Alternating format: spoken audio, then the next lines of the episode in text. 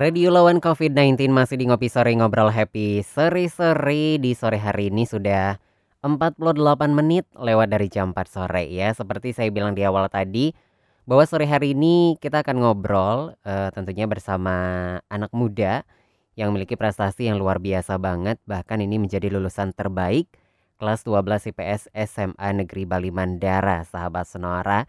Namun di balik prestasi yang dimiliki ternyata uh, Adi ini gitu ya, saya panggilnya Adi aja karena masih baru lulus SMA ya, memiliki perjuangan yang sangat luar biasa banget sahabat Sonora. Dan kita sudah terhubung di sore hari ini bersama Komang Ego ya kan kita ajak ngobrol di sore hari ini coba kita sapa.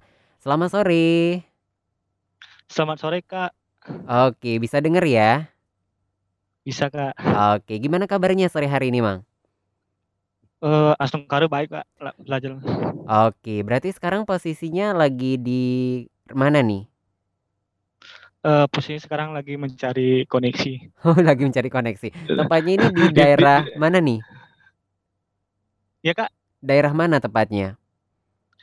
Uh, nggak terlalu jauh sih di, dari rumah Kak di Desa Tianyar Tengah, Kecamatan Kubu Karangasem. Oh, di Tianyar Tengah, Kubu Karangasem iya. ya. Iya Kak. Oke, ber uh, dan sore hari ini kita akan banyak cerita. Ini banyak menjadi perbincangan di media sosial dari Komang Ego, bener ya namanya Komang Ego ya? Iya Kak. Oke, jadi banyak jadi perbincangan juga di media sosial bahwa memiliki prestasi yang sangat luar biasa, bahkan menjadi lulusan terbaik kelas 12 IPS SMA Negeri 1 SMA Negeri Bali Mandara. Nah, nanti akan cerita gitu ya seperti apa dan ternyata di balik prestasi ini Komang juga uh, memiliki perjuangan yang sangat luar biasa banget untuk bisa menjadi uh, seperti sekarang. Oke, okay, uh, bisa cerita Bang di sore hari ini ini kan lulusan terbaik kelas 12 IP, IPS SMA Negeri Bali Mandara. Ceritanya nih seperti apa? Boleh berbagi ke sahabat Sonora? Uh, bisa diulangi nggak soal koneksinya nggak Oke, oke. Ini kan lulusan terbaik kelas 12 IPS SMA Negeri Bali Mandara. Ceritanya seperti apa? Boleh boleh berbagi ke sahabat Sonora? Oh, jadi uh, di SMA Negeri Bali Mandara itu ada penghargaan namanya lulusan terbaik, Kak. Mm -hmm. uh, nah, uh, jadi untuk tahun ini diangkatnya saya, saya mendapatkan tersebut. Nah, lulusan terbaik itu diberikan kepada uh, salah satu siswa. Mm -hmm yang salah satu siswa di SMA Negeri Bali di mana patokannya adalah uh, memiliki semangat juang yang bagus, hmm. memiliki prestasi akademik maupun non akademik. Oke, jadi dan uh, Komang ini dinobatkan sebagai lulusan terbaik tahun ini di angkatan iya, ini kak. ya. Iya kak. Oke, uh, selain uh, prestasi yang dimiliki sebagai lulusan terbaik di angkatan tahun ini, saya baca-baca juga informasinya ini ternyata Komang juga punya banyak prestasi lain yang sudah diraih. Boleh cerita nggak sih ke sahabat Sonora prestasi-prestasi apa sih yang sudah uh, Komang dapatkan? Kalau kita lihat di foto yang kemarin di dikirim itu juga megang piala seperti itu. Ini prestasi apa aja yang sudah didapatkan nih? uh, untuk prestasi khusus saya itu di bidang ekonomi sama akuntansi. Jadi prestasi yang pernah saya raih itu adalah juara satu lomba cerdas cermat ke Bank Sentral dan Ekonomi hmm. di di Bank Indonesia wilayah Bali. Hmm. Juara satu lomba Olimpiade Pasar Modal di Universitas Udayana. Hmm. Juara satu eh, lomba akuntansi di kampus Akubang. Hmm. Juara satu Olimpiade Sains nasional tingkat provinsi bidang ekonomi hmm. Mewakili provinsi Bali di Olimpiade Sains Nasional di Manado Sulawesi Utara tahun 2019. Oh oke. Okay. Uh, dan juara yang lain juga. Wow jadi dari sebutin tadi itu semuanya juara satu ya? iya. Oke luar biasa banget tentunya untuk uh, mencapai ini pasti butuh perjuangan saat luar biasa banget dan uh, awal mula ini bisa cerita kenapa sih Komang ini bisa bersekolah di SMAN Bali Mandara? Uh, ceritanya begini kak kan uh, saya kan emang orang sangat sangat kurang mampu. Mm -hmm. hmm. Jadi Nah, ketika saya tamat SMP, saya bingung melanjutkan di mana, Kak. Hmm. Jadi, kan baca ada guru yang mengasih tahu kalau ada sekolah SMA Negeri Bali Mandara yang Hmm. terletak di Buleleng. Nah, Mhm. sekolahnya itu memberikan biaya pendidikan, bukan beasiswa tapi biaya pendidikan, segala kebutuhan dipenuhi di sana. Mhm. Akhirnya saya mendaftar di sana, Kak. Mhm. Setelah saya mengikuti seleksi, se serangkaian seleksi, akhirnya saya terima di sana, Kak. Mmm. Oke, eee, kalau, eee, dulu, eee, sekolah SMP-nya di Karangasem berarti? Iya, Kak, SMP di SMP 1 Atap Tianya Tengah di Karangasem, Kak. Oke, dan akhirnya pas SMA karena gurunya ngasih tahu bahwa Bali Mandara ini, eee, akhirnya, eee, kamu memutuskan untuk sekolah ke SMAN Bali Mandara? Iya, Kak. Oke, seperti itu ya. Nah ini, eee, kalau apa namanya, saya sempat baca, jadi saya juga mau tanya langsung ya ke orangnya, kadang kalau informasi kan gimana ya.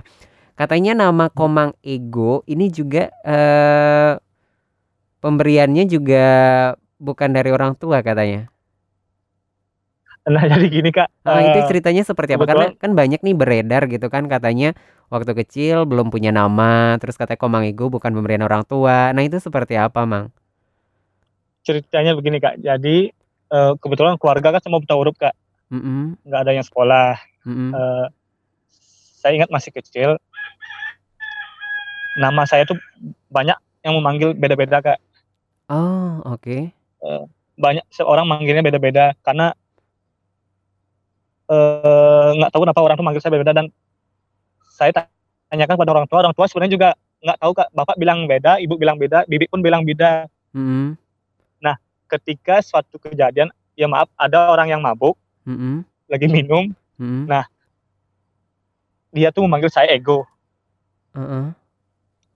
Akhir akhirnya saya memutuskan diri saya, nama nama di administrasi permindahan itu nama saya Ego, di dunia pendidikan saya nama saya Ego, Kak. Jadi untuk Oh. yang kalau panggilan sih masih banyak memanggil beda-beda, tapi secara administrasi permindahan nama tetap di ijazah akte saya pakai Komang Ego aja, Kak. Itu pemberian orang lain bukan orang tua. Oke, berarti dikasih tahu eh, maksudnya orang yang, eee, yang dalam keadaan tidak sadar ini memanggil Ego itu inget umur berapa? Eee, nggak terlalu ingat, Kak, soalnya saya nggak tahu tahun berapa dan itu masih sangat kecil, Kak. Oh, jadi emang, eee, waktu kecil dan akhirnya, eee, dipanggil Komang Ego ini akhirnya semua ijazah dan lain sebagainya namanya Komang Ego? Eee, iya, Kak, jadinya saat saya masuk sekolah SD, saya akhirnya memutuskan memakai nama Komang Ego.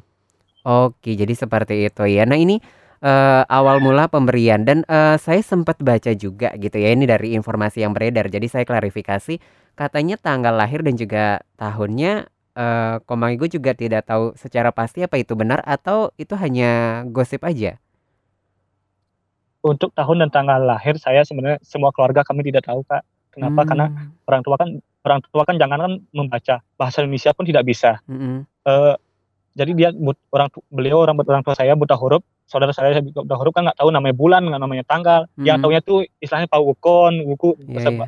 yang itu baru tahu, Kak. Mmm. Jadinya jadi ceritanya itu saya waktu masuk SD saya lupa tuh tanggal berapa saya pilih, tapi ketika saya mau ujian nasional waktu tamat kelas mau tamat kelas 6, Mhm. saya bingung, Kak. Mhm. Kalau bingung, kalau teman-temannya itu kan bingung mikirin jawaban mau ujian gitu, Kak. Saya bingung mikirin namanya siapa saya pakai, tanggal berapa saya pakai, tahun berapa saya pakai, Kak. Oh, oke. Akhirnya? Akhirnya saya akhirnya saya mencetuskan 8 September 1999. Memang saya agak terlambat sekolah sih, Kak, kadang sering putus sekolah. Oh gitu, jadi akhirnya kamu mutusin tanggal lahir kamu segitu sampai sekarang kamu tetap, memper boleh dikatakan kalau ulang tahun menggunakan tanggal yang kamu pilih ini? Iya, Kak. Ini kalau boleh tahu kenapa kamu milih tanggal itu? Eee, kalau tanggal tersebut nggak ada spesial sih, tapi cuma kebetulannya tak pilih aja tanggal segitu, Kak. Dan itu orang pas lagi ujian nasional, Kak, kan jadi nggak perlu lagi mikirin tanggal, tahun, pusing-pusing, Kak. Oke, ya udah tulis aja yang apa yang ada di pikiran kamu gitu ya? Iya, Kak. Oke, tapi ini luar biasa banget walaupun perjalanan seperti itu. Eee, kalau boleh ini saya juga, eee, baca-baca juga, saya mencari informasi juga tentang Komang Ego ini gitu ya, bagaimana perjuangannya hingga akhirnya, eee, sekolah di SMA Bali Mandara. Tadi sempat dibilang, eee, sempat putus sekolah. Itu waktu SD atau kapan, Mang, itu sempat mengalami putus sekolah? Kalau putus sekolah sih waktu SD, Kak, sering Mhm. saya putus sekolah, Kak. Oke, berarti, eee eee, boleh dikatakan eee, SD ku 6 tahun, berarti kamu tempuh lebih dari itu berarti ya? Iya, Kak. Oke, tapi, eee, kalau boleh tahu kamu berapa saudara? Saya berenam saudara, Kak. Kamu anak ke? Saya anak ketiga, Kak. Anak ketiga, berarti kamu punya kakak dan juga punya adik? Punya, Kak. Oke, berarti, eee, tadi sempet bilang kalau saudaranya itu juga buta huruf seperti itu, berarti yang mengenyam pendidikan sampai SMA sekarang itu adalah kamu? Ya, jadi adik adalah satu-satunya di keluarga yang menempuh pendidikan sampai sekarang, Kak. Oh, jadi yang lainnya tidak menempuh pendidikan, seperti itu ya? Tidak, Kak. Oke, nah lulus SD, kamu akhirnya memutuskan untuk SMP. Untuk SMP sendiri, eee, tidak, eee, mengalami seperti SD berarti putus sekolah atau lancar-lancar aja sampai tamat SMP atau seperti apa, Mang? Nah, sedangkan SD kan saya di daerah Kuta, Kak. Daerah mana? Daerah Kuta, Badung. Oh, kamu SD-nya di Kute? SD di Kute, SMP di Karangasem, SMA-nya di Buleleng. Oke, ini kenapa kamu bisa SD-nya di Kute? Padahal kan orang tua kamu di eee, orang tua kamu di mana waktu itu? Eee, orang tua sebenarnya di kampung, Kak, ceritanya agak panjang. Eee eee, kalau tidak keberatan mungkin kalau memang bisa diceritakan sih, eee, boleh diceritakan, kalau memang tidak boleh diceritakan sih nggak apa-apa, tapi kalau boleh Eee, kalau diceritakan emang agak panjang, boleh, Kak? Tapi Boleh. biar nggak ini Boleh boleh, nggak apa-apa, Eee mungkin secara singkat aja, jadi, eee, kalau memang boleh diceritakan silakan. Eee, saya kan memang terlahir dari keluarga kurang mampu, asal saya dari Kubu, Karangasem. Nah, Mhm. kebetulan keluarga semua buta huruf, Mhm. dari kecil emang tidak mampu sekali, jadi saya pernah sekolah di kampung, putus sekolah di kampung karena di kampung memang tidak bisa hidup, kekurangan segalanya. Mhm. Eee, orang orang tua orang tua saya kerja membuat gula merah, Kak, kan. Heeh. Buat gula merah dari pohon lontar, jadi orang tua saya, bapak saya, sekarang yang umurnya 50 lebih, harus naik pohon lontar sebanyak 50 pohon setiap hari, Kak. Setiap harinya? 50 pohon setiap harinya. Oke oke. Itu bangunnya biasanya jam bangun jam 3 pagi, tidur baru jam 11 malam. Oke. Karena saya kan nggak bisa hidup di kampung, Kak, karena sulit sekali kondisi ekonomi kampung, jadi saya memutuskan merantau ke hampir ke seluruh Bali, Kak, hampir seluruh kabupaten di Bali. Itu waktu kamu masih SD? Eee, masih kecil, Kak. Oh, masih Saya kecil? kan sempat SD di saya Heeh. sempat SD di kampung, Kak. Heeh. Putus sekolah, ya akhirnya saya memutuskan merantau hampir di seluruh kabupaten di Bali. Itu kamu merantaunya itu sendirian atau sama siapa? Sama teman-teman, Kak. Oh, sama teman-teman. Eee, banyak yang teman-teman yang nasibnya sama seperti saya, tapi cuma saya yang sekolah masih. Oke, jadi perjuangan kamu luar biasa banget ya, Mang, ya? Iya, Kak. Oke, eee eee, oke, eee, di sini juga sempat diberitakan bahwa sempet, eee eee, boleh dikatakan dalam tanda kutip bermusuhan sama Satpol PP, seperti itu Komangnya, karena mungkin, eee, pekerjaan Komang yang selama ini dijalani selama masih kecil ini ya? Iya, Kak. Jadi itu yang diberitakan itu benar berarti ya? Iya, benar, Kak. Oke, eee, dan akhirnya, eee, setelah kamu katanya hampir di seluruh Bali kamu pernah, merantau ini bahkan sekolah SD-nya di Kute, kenapa akhirnya SMP kamu memutuskan untuk balik ke Karangasem? Nah, ketika saya tinggal di jalan, Kak, kan jual asongan, mengemis, dan kerjaannya lain nih, Kak. Mhm. Jadi saya ketemu saya ketemu WNA dari Cina. Heeh. Dia mau menyekolahkan saya di Kute saat itu. Waktu SD berarti? Iya, waktu saya tinggal di jalanan, saya ketemu sama WNA Cina, saya Heeh. disekolahkan, saya mau. Saat itu kira-kira usia saya 9 tahun, tap tapi saya baru mulai dari kelas 1 SD, Kak. Oh, oke oke. Saat itu jadinya, eee, saya mau sekolah tapi ditanggung sampai kelas 4 SD. Heeh. Setel setelah kelas 4 SD ada kabar lagi warga negara Cina tersebut, Kak. Jadi Mhm. saya putus lagi sekolah, balik ke kampung. Oh, terus? Setelah saya putus setelah saya putus sekolah balik ke kampung, saya membantu bapak mencari kayu bakar, Mhm. sama, eee, memanjat pohon memahat memanjat pohon lontar untuk mencari nira Mhm. Kak, untuk dijadiin buat gula. Mhm. Akhirnya saya memutuskan kalau saya tidak sekolah lagi, saya tidak akan berubah nasib saya. Akhirnya saya balik lagi ke Badung Mhm. dan melanjutkan pendidikan saya dengan dengan usaha saya. Saya sekolah sambil tinggal di agak tinggal di jalanan, Kak. Oh Oke, berarti Saya SD sekolah Heeh. saya SD, Mhm. eee, dari kelas 4 tersebut kembali lagi agak ke jalanan gitu, Kak, Mhm. bekerja untuk biar bisa tamat SD, Kak. Oke, berarti selama kamu melanjutkan sekolah dari kelas eee, sampai kela dari kelas 5 ke kelas 6 itu kamu membiayai sendiri, terus boleh dikatakan tidak punya tempat tinggal yang tetap? Sebenarnya sih tempat tinggal punya, Kak, ngekos, Kak, tapi Oh. karena tidak tidak mungkin diam lama di kos jadinya lebih banyak tinggal agak di jalanan gitu biar bisa kita eee, saya makan dan membiayai hidup saya, biaya sekolah gitu, Kak. Oke, berarti ini benar-benar perjuangan kamu sendiri, akhirnya kamu lulus SD dan terus akhirnya SMP SMP juga kamu Iya, Kak. biayai sendiri? Eee, untuk tamat SD, saya kan tidak bisa melanjutkan di daerah kota karena emang biaya hidup sama sekali tidak punya, Kak, akhirnya saya balik ke kampung, Kak. Heeh. Kampung akhirnya saya sekolah di sekolah SMP satu atap namanya, Kak, satu atap itu sekolah yang agak di di pedalaman gitu, kekurangan segalanya, Kak. Mhm. Akhirnya saya sekolah di sana, pulang sekolah sambil membantu orang tua, nyari kayu bakar dan Mhm. lain-lainnya, Kak. Mhm mhm. Dan akhirnya kamu 3 tahun bisa menyelesaikan sekolah kamu di SMP atap ini ya? Iya, Kak. Dan akhirnya ada guru yang mengatakan bahwa di SMA Bali Mandara kamu punya harapan untuk bisa sekolah SMA dan, eee, bisa lulus di sana, eee, dan dibiayai seperti itu ya? Iya, Kak. Oke, luar biasa banget. Nah, tentunya, eee, sebenarnya kalau pengen ngobrol sama Komang ini banyak banget sebenarnya pengen ngobrol karena ini, eee, boleh dikatakan sangat menginspirasi banget bagi anak-anak seumuran Komang ini tidak semua, eee Oke, nampaknya terputus untuk sore hari ini sahabat Sonora ya sama Komangnya. Dan tentunya, eee, seperti banyak hal seharusnya saya ingin tanyakan ya di sore hari ini. Nanti coba, eee, saya terhubung kembali sama Komang di sore hari ini, akan melanjutkan nanti, eee, pesannya kepada sahabat Sonora semua ya.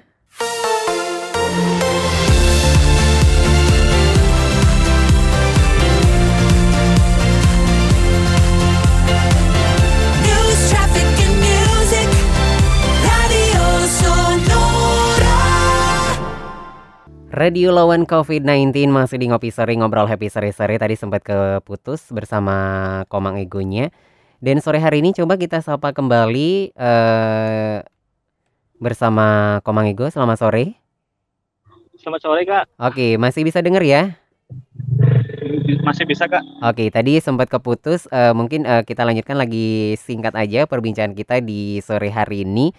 Eee, tadi sudah sampai, eee, bahwa dari SD terus, eee, 1 sampai kelas 4 itu dibiayai sama WNA Cina dan akhirnya, eee, di kelas 5 sampai kelas 6 sampai lulus kamu biaya sendiri akhirnya nanti pindah ke SMP yang ada di Karangasem di Atap, terus akhirnya kamu sekolah di SMA Negeri Bali Mandara. Dan tentunya, eee, ke depannya nih, eee, apa harapan kamu setelah lulus sekarang SMA? Apa yang ada di pikiran Komang sendiri untuk meneruskan pendidikan atau seperti apa, Mang? Untuk ke depan sih sebenarnya saya niat niat sekali kuliah, Kak. Heeh. Biar saya bisa meraih sarjana karena itu keinginan saya dari kecil. Mhm. Tapi untuk dapat kuliah tersebut terhalang oleh masalah keadaan ekonomi, Kak. Mhm. Eee, jadi saya tidak tahu harus bagaimana lagi ke depannya, tetapi saya tetap akan mencari kampus atau tempat kuliah Mhm. sambil mencari informasi beasiswa. Mhm. Tapi karena ada kasus corona tersebut, banyak beasiswa yang ditiadakan, Kak. Oh, Jadi mhm. saya sampai sekarang jadi sampai sekarang saya masih bingung eee, mau cari beasiswa di mana untuk apakah bisa lanjut kuliah atau tidak nanti, Kak. Karena masalah dana tersebut Oke. belum bisa terpe terpecahkan, Kak. Oke, karena sekarang juga wabah Covid, eee, 19 ini mudah-mudahan walaupun, eee eee, setahun ini Komang tidak bisa mendapatkan beasiswa, mudah-mudahan Covid-19 ini segera berlalu. Nanti kalau sudah pulih kembali, eee, Komang bisa, eee, kembali mengejar cita-cita untuk mendapatkan beasiswa di sebuah universitas yang mungkin sangat-sangat, eee, kamu inginkan. Kalau boleh tahu, eee, cita-cita ini nih kuliah ngambil jurusan apa nih? Kalau misalnya, nanti kuliah gitu? Untuk kuliah sih saya ingin sekali kuliah di Universitas Gajah Mada di Yogyakarta ngambil jurusan ilmu ekonomi atau manajemen kak. Oke, jadi luar biasa banget. Semoga uh, tercapai uh, secepatnya Komang ya dengan usaha kamu tentunya yang sangat luar biasa banget. Oke, nah sekarang apa nih uh, kalau boleh uh, tahu kan kom eh, kalau boleh dikatakan Komang ini kan perjuangannya dari kecil sampai sekarang lulus SMA ini luar biasa banget. Tidak semua orang bisa melakukan seperti apa yang Komang lakukan. Apa yang ingin disampaikan buat sahabat Sonora yang lagi dengerin terutama anak-anak remaja yang sumuran dari Komang. Silakan, Mang. Pesan saya kepada teman-teman atau anak remaja Mm -mm. bagi, bagi yang anak muda yang sama seperti saya kekurangan keadaan ekonominya, jangan pernah putus untuk mengejar cita-cita. Karena tidak ada cita-cita yang tinggi, yang ada adalah usaha yang tidak setinggi cita-cita. Hmm. Walaupun kekurangan segalanya, kita kerja terus. Karena dengan pendidikan lah kita bisa berubah, Hmm. bisa merubah keadaan keluarga kita. Hmm. Untuk untuk keluarga atau anak muda yang mempunyai keluarga yang dibilang cukup mampu, jangan sia-siakan keadaan tersebut. Raihlah cita-cita apa yang diinginkan. Itu aja saya sampaikan sih. Baik, oke. Nah, eh, terakhir lagi eh, sekarang kegiatan sambil menunggu eh, beasiswa ataupun eh, COVID-19 ini berlalu ataupun kamu kuliah nanti, apa kegiatan sekarang Mang sehari-harinya? Untuk kegiatan sehari-hari sih, pertama mba- bantu orang tua mencari kayu bakar dan persiapan belajar untuk tes UTBK Kak, atau SBMPTN. Oke, semoga eh, nanti diterima dan lulus bisa dis, eh, kuliah sesuai dengan universitas yang diinginkan Komang ya. Ya Kak, Songkare Kak. Oke, sukses buat Komang. Terima kasih udah meluangkan waktu di sore hari ini ngobrol bersama kita. Mudah-mudahan obrolan ini bisa menginspirasi buat sahabat sonara semua. Dan mudah-mudahan lain kesempatan kalau COVID-19 ini sudah berlalu kita bisa tatap muka, bisa ngobrol langsung, bisa lebih panjang lagi ngobrolnya Mang ya. Iya Kak, Songkare. Oke, terima kasih Komang. Selamat sore, sukses tentunya. Salam buat keluarga yang ada di sana ya. Ya Kak. Ya, selamat sore. Oke, sahabat sonora itu dia obrolan kita di sore hari ini bersama Komang Ego. Eh, jadi saya mendengarkan ceritanya ini luar biasa banget ya sahabat sonora. Jadi eh, kalau boleh digarisbawahi semua perjuangan itu pasti ada hasilnya sahabat sonora. Tetap berjuang tentunya apa pun yang Anda impikan gitu sampai semua terwujud kita sahabat sonora ya. Dan sore hari ini Ngopi Sore masih nemenin Anda tentunya sampai nanti di jam 6 sore. Obrolan ini bisa kembali nanti Anda dengarkan di Spotify, cari aja Sonora Bali 98,9 FM atau bisa di www.sonorabali.com. Mudah-mudahan obrolan ini bisa menginspirasi kita semua.